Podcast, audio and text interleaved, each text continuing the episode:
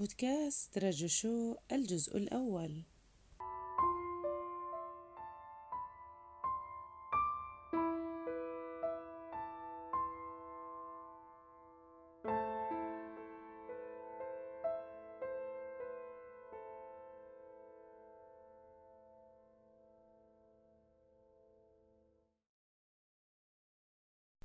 السلام عليكم. قناة رجو شو تحييكم. وتتمنى لكم أوقاتا ممتعة وأنتم تستمعون لنا. تلخيص رواية جريمة على قطار طوروس السريع. بقلم أجاثا كريستي إعداد وإشراف رجاء حمدان.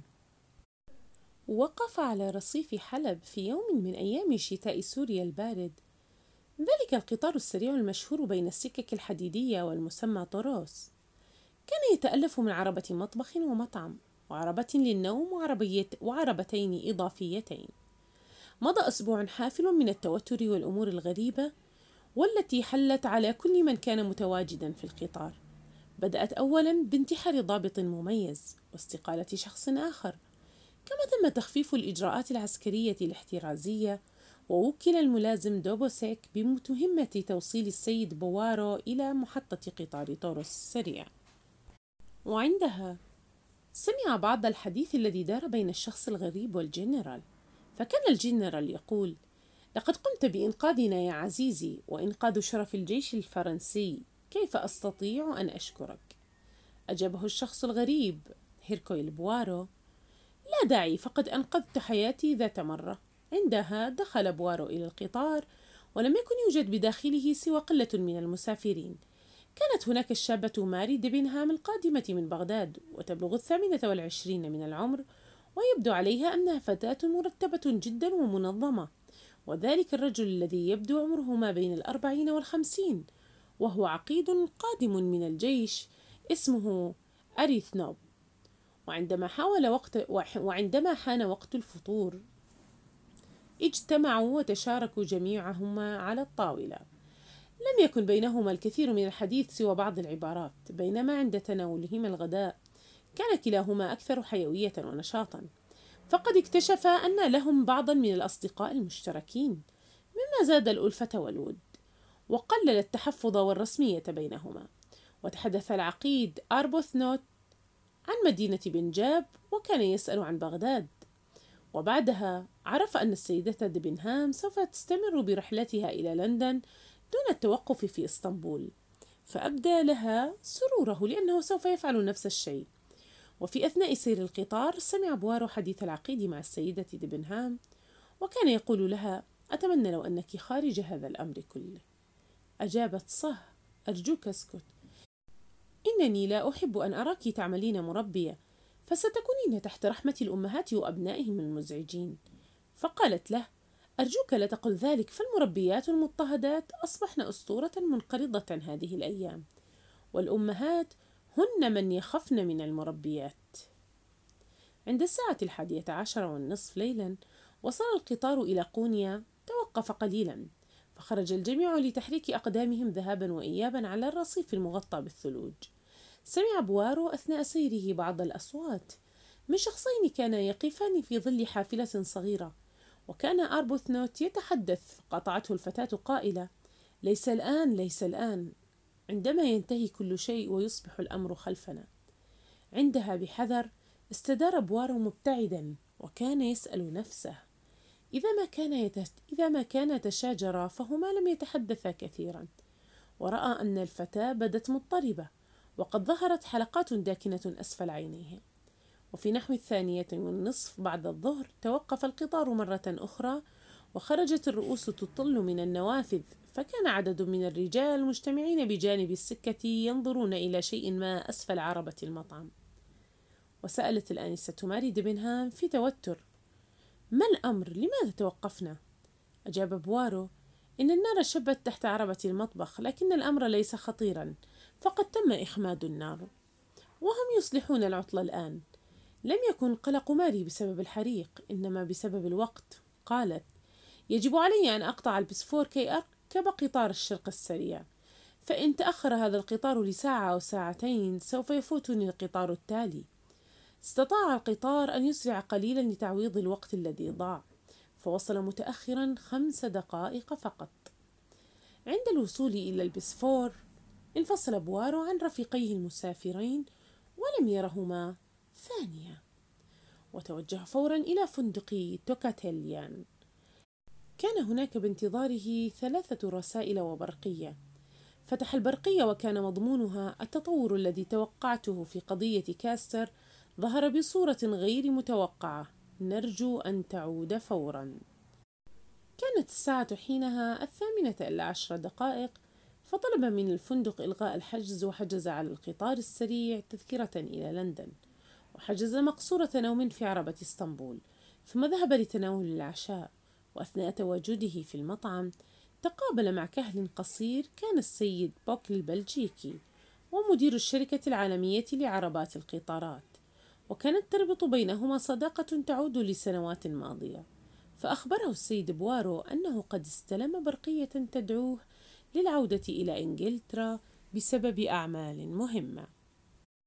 وفي أثناء تناوله الطعام جذب انتباه بوارو شخصان. كان أحدهما الشاب هيكتور والآخر المسن السيد راتشيت أنهى بوارو طعامه وذهب ليطمئن على توفر مقصورة شاغرة له لأن القطار قد امتلأ. أخبره السيد بوك بأنه قد وجدت مقصورة للسيد هاريس وأنه لم يستطع الوصول للالتحاق بالرحلة. وقد أمرت بأن تعطى لك ورقمها سبعة ولكنها مشتركة مع شخص آخر في الدرجة الثانية. وصل بوارو إلى المقصورة. كان فيها الشاب الألماني الذي رآه في فندق توكاتليان.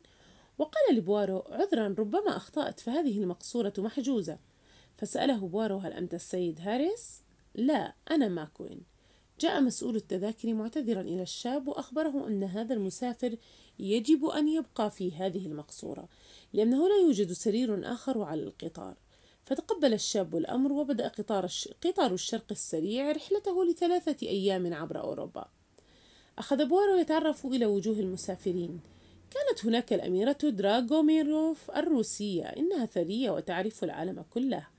ورغم قبحها إلا أن لها حضورا قويا وعلى طاولة أخرى كبيرة كانت تجلس ماري ديبنهام مع, مع امرأتين. إحداهما طويلة في أواسط العمر أما الأخرى فكانت كهلة بدينة ويبدو أنها والدتها. فهي تخاطبها قائلة يا ابنتي. وعلى طاولة أخرى صغيرة جلس العقيد أربون ثونت لوحده ومن بعيد كانت تجلس امرأة تلبس السواد ووجهها عديم المشاعر ربما تكون اسكتلندية أو ألمانية. ويحتمل كونها خادمة. وخلفها زوجان الرجل وسيم في الثلاثينات من عمره.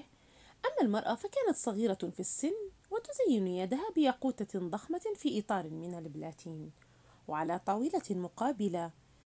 كان رفيقي بوارو في السفر ماكوين والسيد راتشيت. قام السيد راتشيت بالجلوس إلى طاولة بوارو وطلب أعواد الثقاب ثم قال له أنت السيد هيركويل بوارو هل أستطيع أن أطلب منك تولي مهمة تخصني؟ إنني رجل ثري ورجل بثرائي لا بد أن يكون له أعداء وأنا أريد أن أكون مطمئنا على سلامتي. وأظنك الرجل المناسب لحمايتي. وسوف أعطيك ما تريد من المال. فقال بوارو آسف يا سيدي. أنا لا أقبل سوى القضايا التي تثير اهتمامي ولا أحتاج المال فلدي من المال ما يكفي لإشباع حاجاتي جميعها. وصل قطار الشرق إلى بلغراد في التاسعة إلا ربعا إلا ربع في تلك الليلة.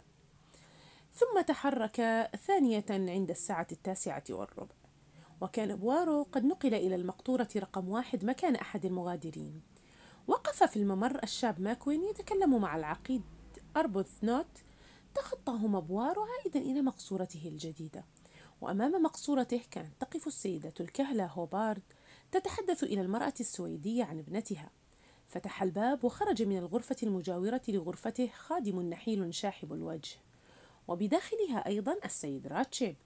قالت السيدة هوبارد أليس هذا السيد راتشيب؟ إنني لا أحب هذا الرجل. يبدو لي أنه من أولئك الذين يسطون على القطارات. قد تظنني غبية لكن لدي إحساس بأن شيئا ما سيحدث في هذا القطار. ليلة البارحة سمعته يمسك يد مقبض الباب لمقصورتي. إنني خائفة منه. ثم ختمت حديثها حسنا سأذهب إلى سريري وأبدأ في القراءة. ذهب بوارو إلى مقصورته التي كانت بعد مقصورة راتشيب. جلس في سريره يقرأ لمدة نصف ساعة ثم أطفأ النور. لم يعلم كم مضى عليه من الوقت وهو نائم لكنه استيقظ مفزوعا على صرخة قوية. نظر إلى الساعة كانت الثانية عشر وخمس وأربعون دقيقة بعد منتصف الليل. خرج من غرفته ليتفقد الأمر ومر على الغرفة المجاورة التي يقطن بها السيد راتشيب. سمع صوتا يقول إنني بخير كانت هذه غلطتي. فعاد أدراجه إلى غرفته.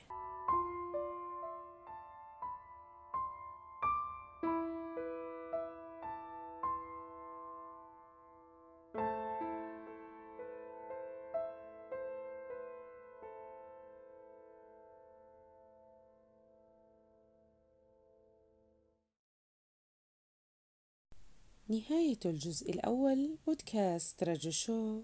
إلى اللقاء في الجزء الثاني.